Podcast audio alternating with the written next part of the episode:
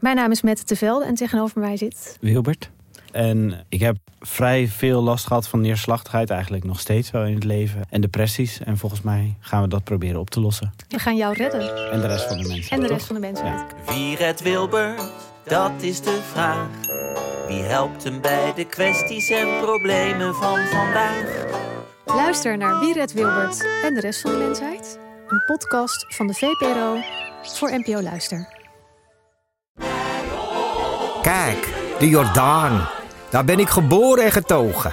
De nieuwe Nederlandse musical Onze Jordaan van Diederik Ebbingen is dit najaar in de theaters te zien. Koop nu uw kaarten op onzejordaan.nl.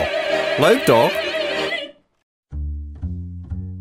Hallo, welkom bij deze wekelijkse podcast vanaf de redactie van de Groene Amsterdammer deze keer. Ik ben Kees van der Bos.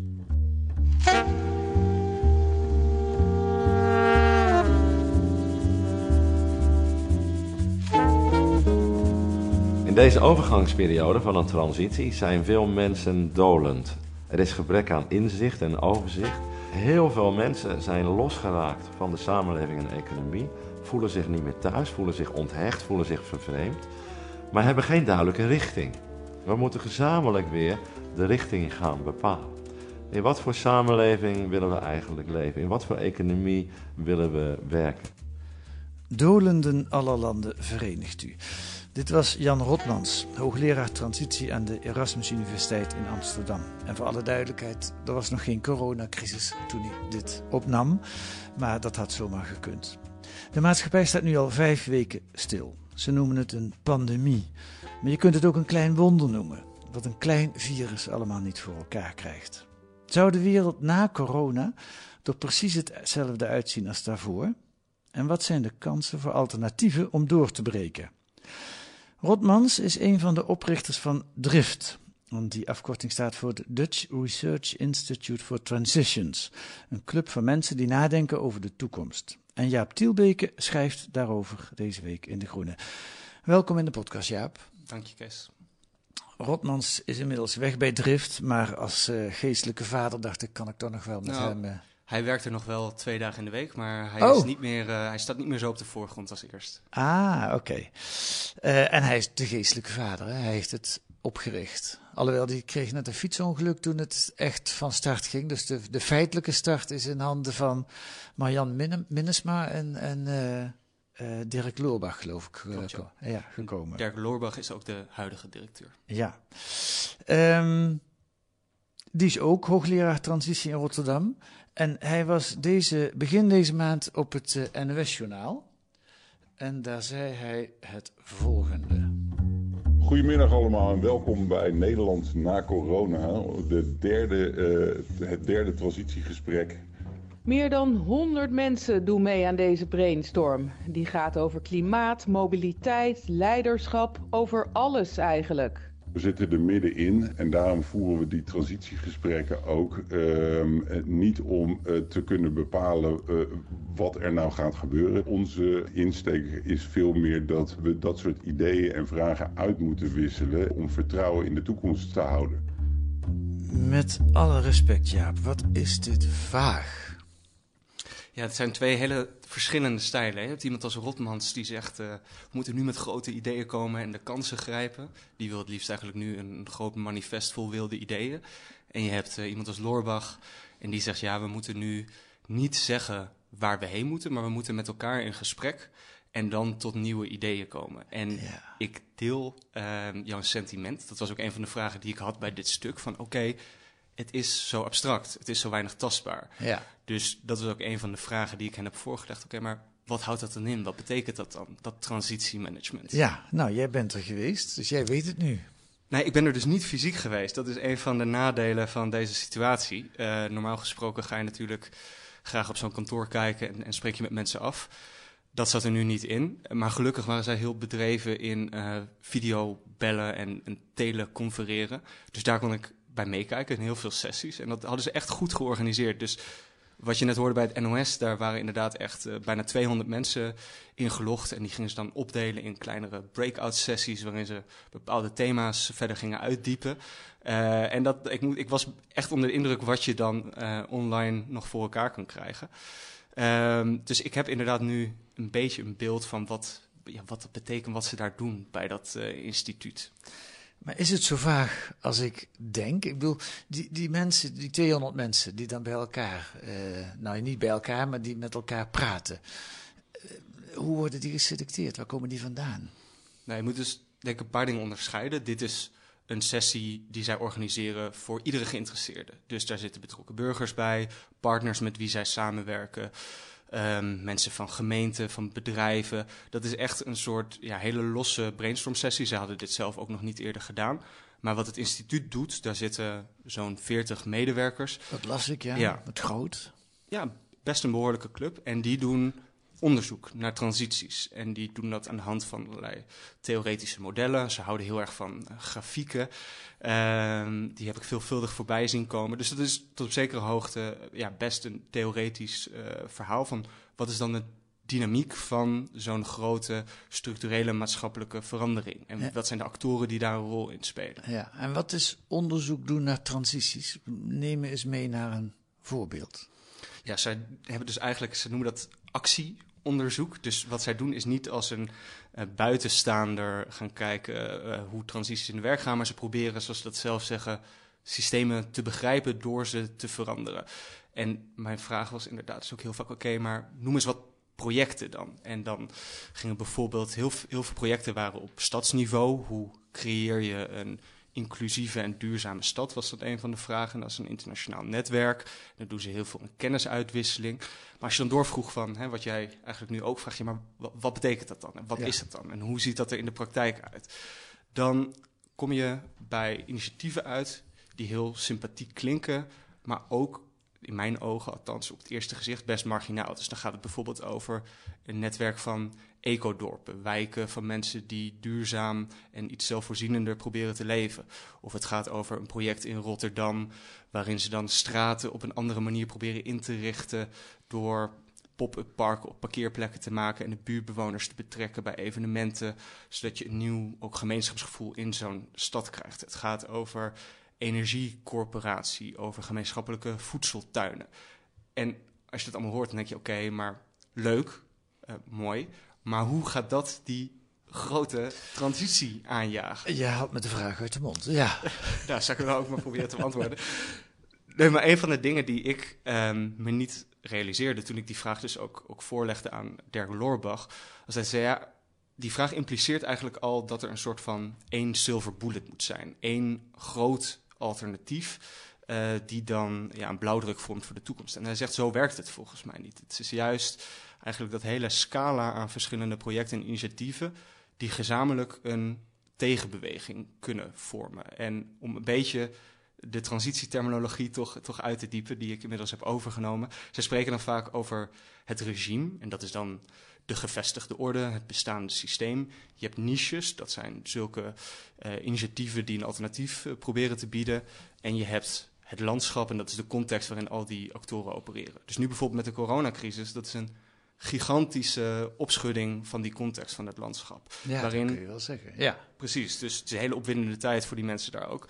Dus dan zien die, die niches zien ook een kans van... oké, okay, als we op zoek moeten naar een ander soort uh, hè, economie en samenleving dan zie je daar misschien de kiemen waar we inspiratie uit kunnen putten. En dat betekent niet dat uh, iedereen straks in een ecodorp gaat eh, wonen of iedereen uh, mede-eigenaar is van een windmolen.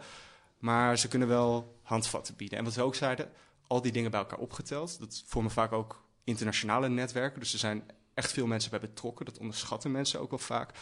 Kunnen ze wel degelijk ja, een, een, een krachtige tegenbeweging vormen. Zo, zo zien zij dat in ieder geval voor zich. Hm. En het woord tegenbeweging suggereert wel, het gaat allemaal om mensen die de huidige maatschappij niet willen in stand houden. Ja, op die, die sessie, die, die, die corona-dialoog die ze dan online uh, organiseerden, er waren types van heel verschillend plamage, maar iemand vat het wel mooi samen. Die zei, ja, volgens mij zijn we toch allemaal een beetje van die VPRO-tegenlichte goedmensje. En die indruk kreeg ik inderdaad wel. Iedereen hield zich bezig met dat soort alternatieven, maar wat wel goed is om te vermelden, is dat, dat Drift zelf um, ook samenwerken met de regimespelers. Dus zij zien ook, op het moment dat dat landschap verandert, zijn er ook binnen zo'n regime koplopers, mensen die zeggen: Oké, okay, misschien moet het inderdaad anders, laten we daarover nagedenken. Dus zij doen ook projecten met de haven van Rotterdam bijvoorbeeld. Nou, dat is geen ehm, sympathiek, kleinschalig, lokaal initiatief. Het is niet van de tegenbeweging ook. Absoluut niet. Nee. Daar moet de hoop op de schop. Ja, maar uh, hoe moet ik me dat voorstellen? Worden, die worden zij, Drift, ingehuurd door de haven van Rotterdam om mee te denken? Of bieden zij zich aan en gaan ze dan iets doen? Hoe, zit dat? Ja, ze hebben drie takken eigenlijk. Dus zij doen wetenschappelijk onderzoek en dan krijgen ze beurzen voor Europese onderzoeksprojecten. Uh, ze hebben een consultancy tak, dus advies. En daarvoor worden ze inderdaad ingehuurd door bijvoorbeeld de haven van Rotterdam of door een gemeente. Uh, en ze hebben een onderwijstak. Dus daar geven ze opleidingen voor geïnteresseerden. Uh, allerlei cursussen hebben ze daar, bieden ze aan. Uh, die doen ze ook in-house, dus bij bepaalde organisaties. Volgens mij werken ze heel veel samen met overheidsinstanties, veel gemeentes, maar ook mm. binnen de zorg, binnen de energiesector. Um, dus daar proberen ze ja, die kennis ook te delen. En ik, ik, ik vroeg ook aan mensen, ik heb ook bij zo'n uh, cursus gezeten. En dan vroeg ik ook aan mensen van ja, wat voor concrete lessen haal je hier nou uit um, voor je werk? Hè? Mensen die bijvoorbeeld in de zorg werkten of uh, bij een energiebedrijf.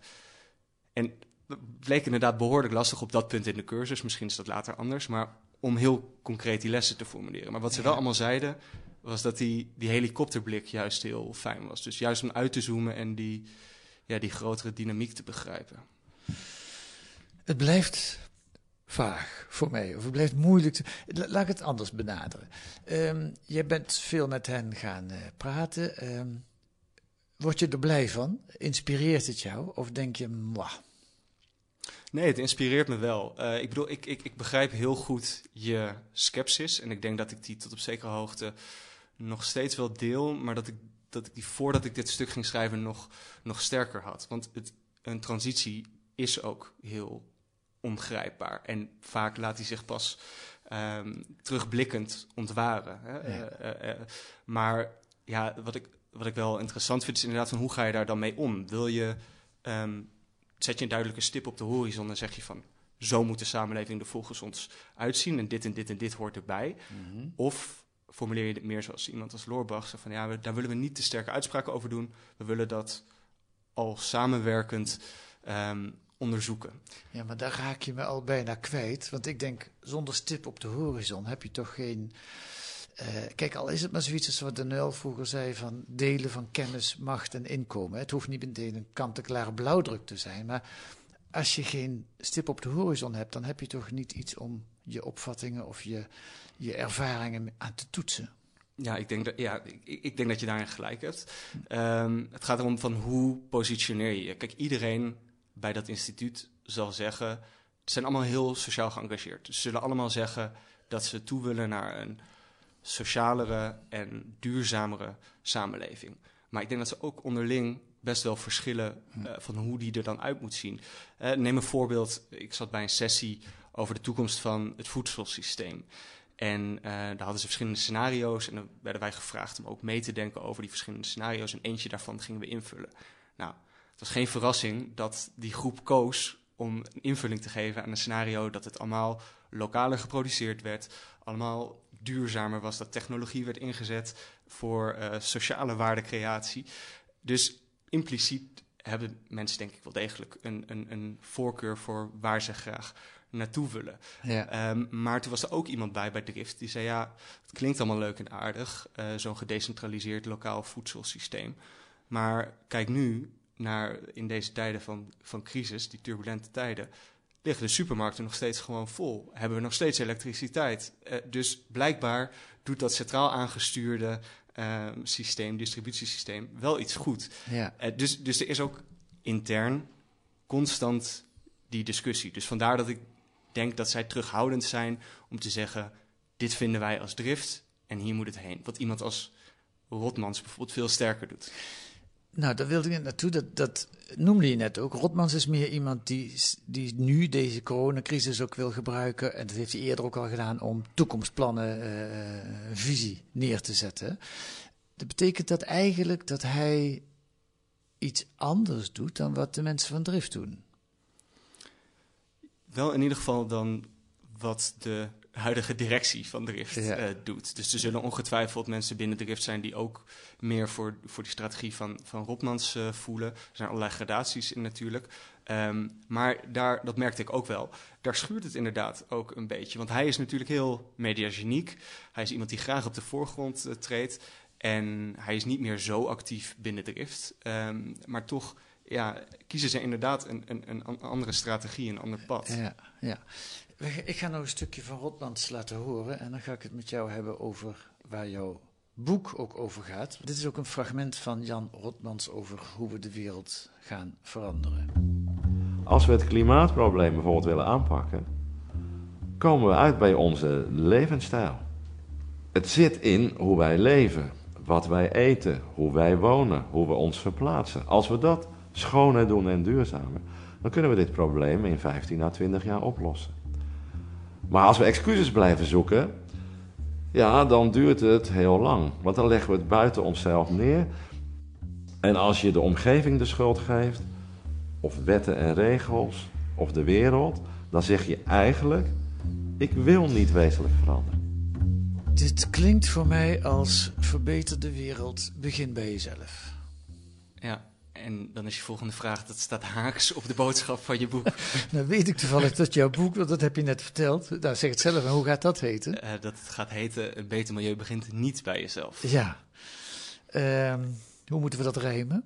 Nee, ik, ik, ik moet eerlijk zeggen, ik kende dit fragment van eh Rotmans niet. Ehm, en het is inderdaad wel waar, denk ik, daar heeft hij groot gelijk in, dat als je de klimaatwetenschap serieus neemt, dat er dan op een hele hoop vlakken iets moet veranderen. Dus inderdaad heeft dat grote gevolgen voor de manier waarop we ehm, eten, waarop we wonen, waarop we reizen. Ja, dat staat vast. Dat staat vast. Ja. Nou, daar houden ze zich Ja. bij Drift ook mee bezig. Alleen de vraag is, hoe kom je daar? Ja. En de boodschap van mijn boek is dat ik denk dat we ons veel te lang eh, en nog steeds blind staren op ehm, ja, consumentengedrag. Dus inderdaad met het vingertje naar elk ander wijzen. Eigenlijk wat Rotmans ook in dit fragment zet. Hè, van, zolang we excuses buiten een ander blijven zoeken, komen we er nooit. We moeten Ja. beginnen met zelf spaarlampen indraaien, zonnepanelen op het dak leggen, vegetariërs worden. Nu, voor de duidelijkheid, ik zal niemand ontmoedigen om duurzamer te gaan leven.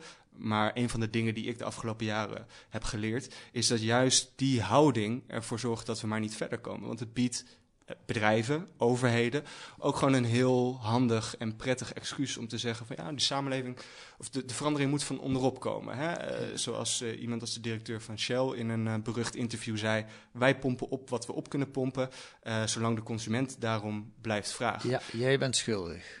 Ja, we zijn allemaal schuldig. Ja. Dus hoe kan je dan van ons verwachten Ja. dat, wij, ehm, eh, dat wij veranderen? En die, die, die, titel van mijn boek is natuurlijk een expliciete ontkenning van de overheidscampagne waarmee ik ben, ben opgegroeid. De Postbus 51-campagne die je vast kan herinneren. En het is natuurlijk ook heel gek dat een overheid die juist voor dat soort collectieve veranderingen kan zorgen, die heeft de macht met wetgeving, regelgeving, eh, om dat soort ontwikkelingen te stimuleren, zegt ja, ga zelf maar eerst je, je afval recyclen Ja. en eh, energie besparen en dan praten we verder. Ja. Dus ik denk dat we zo kostbare tijd hebben verloren. Ja. ja, maar je zou ook kunnen zeggen dat dat, dat, dat nou precies is wat Drift eh, aan het doen is. Eh, Die niches aan het creëren. Ehm, ja, eh, er is niks mis mee en heel sympathiek, maar wat bereik je daar nou mee? Nou, dat, dat ben ik niet helemaal met je eens. Omdat ik denk dat die boodschap van Rotmans, of in ieder geval de interpretatie die wij er nu aan geven, niet recht, geen recht doet aan hoe zij daar onderzoek nu naar doen. Dus Drift heeft wel degelijk heel veel oog voor de verschillende actoren in zo'n transitie. Eh, dus zij zullen echt niet zeggen dat het alleen maar van de consument moet komen. Of dat we beginnen, moeten beginnen met persoonlijke gedragsverandering. Zij denken ook niet dat die niches op zich eh, voldoende kracht kunnen winnen om alternatief. Dus zij zijn ook heel erg bewust van die, die bestaande macht, die gevestigde orde. Eh, iemand als Dirk Loorbach heeft daar ook een mooie grafiek voor bedacht, de X-curve. dus het gaat niet alleen wat erop komt, maar Ja. ook, er moet ook, hè, hij pleit er zelfs voor een, tijdens die, die, die eh coronadialoog, zei iemand, ja, moeten we geen ministerie van de toekomst hebben? En toen zei Loorbach reageerde met, ja, we moeten een ministerie van de afbraak hebben, want al het geïnnoveer is een probleem. Dus hij Ja. heeft denk ik wel degelijk oog ook voor ehm, de machtsverhoudingen die transities in de weg staan, kunnen blokkeren. En zij zien ook heel duidelijk een rol weggelegd voor de overheid. Kijk, de huidige crisis, die coronacrisis, die is eh, eh, naast alle ellende die die veroorzaakt ook verschrikkelijk goed voor het milieu eigenlijk. Hè? Ik zie je nee schudden. Hoezo niet? Nee, ik wou dat ik ja kan schudden, maar ik, uh, ik zie dat toch echt anders. Ik bedoel, ik snap wat je bedoelt. Er komen nu natuurlijk al die uh, foto's voorbij van uh, de Himalaya de vissen. is weer te zien. Himalaya is te zien. De vissen zijn terug in de, ja. in de grachten van Venetië. Ja. En de CO2 daalt. Ja. Dus wat het wel laat zien is volgens mij dat die, die, de enige manier waarop we het milieu kunnen ontlasten is als we de hele geglobaliseerde kapitalisme in één keer tot stilstand laten komen. Ja, wat we nu gedaan hebben. Wat we nu gedaan hebben. Maar als we dat, die hele machinerie straks weer op gang brengen zonder structurele hervormingen door te voeren, dan zijn we echt geen klap beter af. En dat is ook wat je ziet um, in, in, in de geschiedenis. De enige momenten waarop CO2-uitstoot daalde was eigenlijk kort na economische crisis.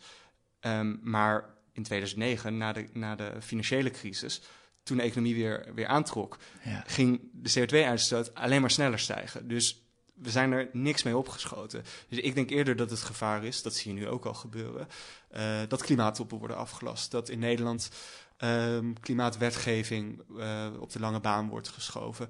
Dus zolang we nu niet durven nadenken over um, ja, serieuze duurzame hervormingen, gaan we helemaal niet beter uit deze crisis komen. Ja, een voorbeeld, KLM. Uh, kijk, we moeten eigenlijk allemaal minder vliegen. Dat, dat weten we. Dat is ook zo'n ding wat je als uh, ecologische consument jezelf aantrekt. Hè. Ik, had deze, ik zou eigenlijk nu op vakantie zijn en we hadden al gepland om naar Sicilië te gaan met de trein, want je mag niet meer vliegen. Dus dat zijn van die dingen die je dan probeert als individu te doen. Maar wat doet de overheid? Die zegt nu al KLM, die blijft bestaan, dat garanderen we. dat is al precies eigenlijk de foute weg. Ja, nou kijk, ik snap dat de overheid niet kan zeggen eh, KLM die laten we gewoon klakkeloos failliet gaan en iedereen komt op straat staan. Waarom maar je kan eigenlijk? Ook, nou ja, omdat zou ze het best kunnen zeggen. Ze zouden het kunnen zeggen, maar dat lijkt me nogal harteloos naar een heel groot deel van de mensen die daar werkzaam zijn. En uh, volgens mij kan je die mensen, kan je ook zeggen, we gaan jullie uh, hè, een reddingspakket aanbieden, maar we gaan wel keiharde duurzaamheidseisen zetten. We gaan jullie groeiplannen gewoon aan banden leggen. En we gaan zorgen dat het geld wat we nu daarvoor beschikbaar stellen, ten goede komt niet aan de, de top die nog eens een bonus op wil strijken, maar aan de stewardessen of ja.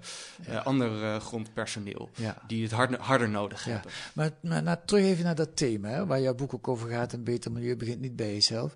Kijk, dat er mensen zijn die minder gaan vliegen omdat er, dat er eenmaal nodig is, dat is leuk en aardig en dat moet ook gebeuren. Maar er gebeurt pas echt iets als de vliegprijzen weer drie keer zo duur worden. En dat kan jij of ik, of als individu krijgen we niet voor elkaar. Dat moet de overheid doen. Exact. Ja, en daarom is het ook zorgwekkend dat Nederland in het klimaatakkoord was er ook uh, een plan voor een vliegtax. En die was heel minimaal. Dus dat, dat ging echt geen zoden aan de dijk zetten. Maar je ziet nu alweer van, ja, laten we toch maar even afwachten hoe deze coronacrisis zich ontwikkelt. Of we dat wat door moeten voeren en wanneer dan. Terwijl ik denk, ja, dit is inderdaad een moment om dit soort industrieën waarvan we weten dat die niet op de oude voet uh, verder kunnen. Hetzelfde geldt voor de fossiele industrie. Niet klakkeloos een bail-out te geven, maar daar gewoon keiharde voorwaarden aan te verbinden. En dan weer terug naar drift. Doen ze daar, ja, dat is natuurlijk heel concreet. Hebben ze, heb je, eh, doen ze daar, heb je iets over dat vliegen uh, in die sessies uh, gehoord? Nee, niet, niet over de. Ja, ik bedoel, het ging inderdaad wel in algemenere termen over wat dan de kansen zijn. Hè? Of ja, het is een beetje een wrang woord in deze tijden, maar wat, ja, toch wat de mogelijkheden zijn om nu aan een duurzamere economie te bouwen. En iedereen was er wel over eens dat er dan iets moet gebeuren met de luchtvaart. Maar het is niet zo dat zij nu vanuit Drift een lobby op touw hebben gezet om, uh, om dat te bewerkstelligen of zo. Nee, nee. En wat zeg jij als schrijver van het boek Een Beter Milieu begint niet bij jezelf over wat er, uh, wat er nu zou moeten gebeuren om, om, om, om, om gezond uit deze crisis te komen? Nee, je gaf zelf al een voorzet als het aankomt op, uh, hè, op, op de luchtvaart. Maar volgens mij kan je die analyse op heel veel uh, takken loslaten. De fossiele industrie komt nu enorm in de problemen, ook door uh, de lage olieprijs. En je ziet dat zij deze crisis ook aangrijpen om hun agenda door te duwen. Door te lobbyen voor versoepeling van klimaatregels. Te zeggen, wacht maar even met die CO2-heffing, want we hebben het al zwaar genoeg. Nou ja, volgens mij moet je niet alleen laten zien hoe kwalijk dat is, maar je moet er iets tegenover zetten. En er zijn allerlei plannen die al langer rondzingen. Het idee van een, een, een, een Green New Deal, of in Europa heet het dan in een wat afgezwakte versie de Green Deal. Nou, volgens mij is het zaak om niet te zeggen, laten we daar even mee wachten, maar dat als, ja, als, als uitgangspunt te nemen of als fundament te nemen voor een groen reddingspakket. Door nu juist te gaan investeren in uh, schone energie. Um, door een plan te hebben om die fossiele industrie geleidelijk aan af te bouwen. Ja.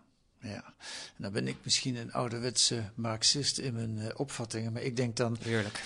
dat dat gebeurt niet door dat sommige mensen dat een goed idee vinden, maar dat gebeurt pas als er een beweging ontstaat die dat afdwingt. Absoluut, absoluut. Dus dat, dat is ook inderdaad een van uh, mijn punten. Uh, ik heb net een voorwoord geschreven voor mijn boek, omdat dit natuurlijk heel veel dingen op de kop zet, waarin ik precies dit punt maak. Van dit is niet het moment om achterover te leunen en, en te denken van ja, we wachten er even mee tot deze crisis is overgewaaid. Nee, er moet nu, denk ik, mobilisatie plaatsvinden om dit soort ideeën inderdaad um, nou ja, gangbaar te maken en ook politiek op de agenda te krijgen en ja. door te krijgen. En dat is de, bedoel, dat is de afgelopen jaren, um, zag je dat geluid wel degelijk aanzwellen. Het risico is dat dat nu weer naar de achtergrond verdwijnt. Ja. En, en de kunst is om dat te voorkomen. We gaan het zien en we gaan het straks lezen in jouw boek. En als dat uitkomt, dan hoop, hoop ik daar nog graag op terug te komen in, uh, in deze podcast. Dat lijkt me leuk. Dankjewel voor dit gesprek.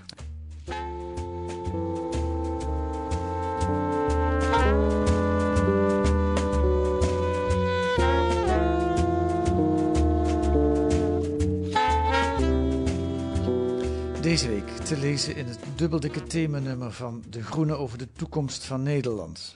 Uh, met ook een onderzoek naar online politieke propaganda in samenwerking met Argos, het Radio 1-programma, aanstaande zaterdag te beluisteren. En Koen, de schrijver van dat artikel, Koen van der Ven, is volgende week te gast in de podcast. En Marcel ten Hoven schrijft over de, wat schrijft hij over? Over de kaart van de Universiteit Wageningen over Nederland in 21.020 over 100 jaar. Misschien is de coronacrisis dan wel voorbij. Die een hoopvolle blik op de toekomst biedt, die kaart. Die kaart is grotendeels groen en blauw. En dat komt niet alleen door de stijging van de zeespiegel, maar ook omdat de natuur als bondgenoot wordt gezien. Allemaal te lezen met een abonnement op De Groene of een proefabonnement. Ga dan naar groene.nl. Drie maanden De Groene voor 30 euro. U kunt ons mailen als u wilt reageren op deze podcast naar podcast.groene.nl. U kunt ons ook sterren geven of een korte recensie in de podcast-app. Dan krijgen we weer meer luisteraars. En volgende week zijn we er weer met analyses en achtergronden bij het nieuws in deze podcast van de Groene Amsterdammer. Die werd deze week gemaakt door Daan Stoop en Kees van der Bos. En de muziek is A Tune for N van Paul van Kemenade.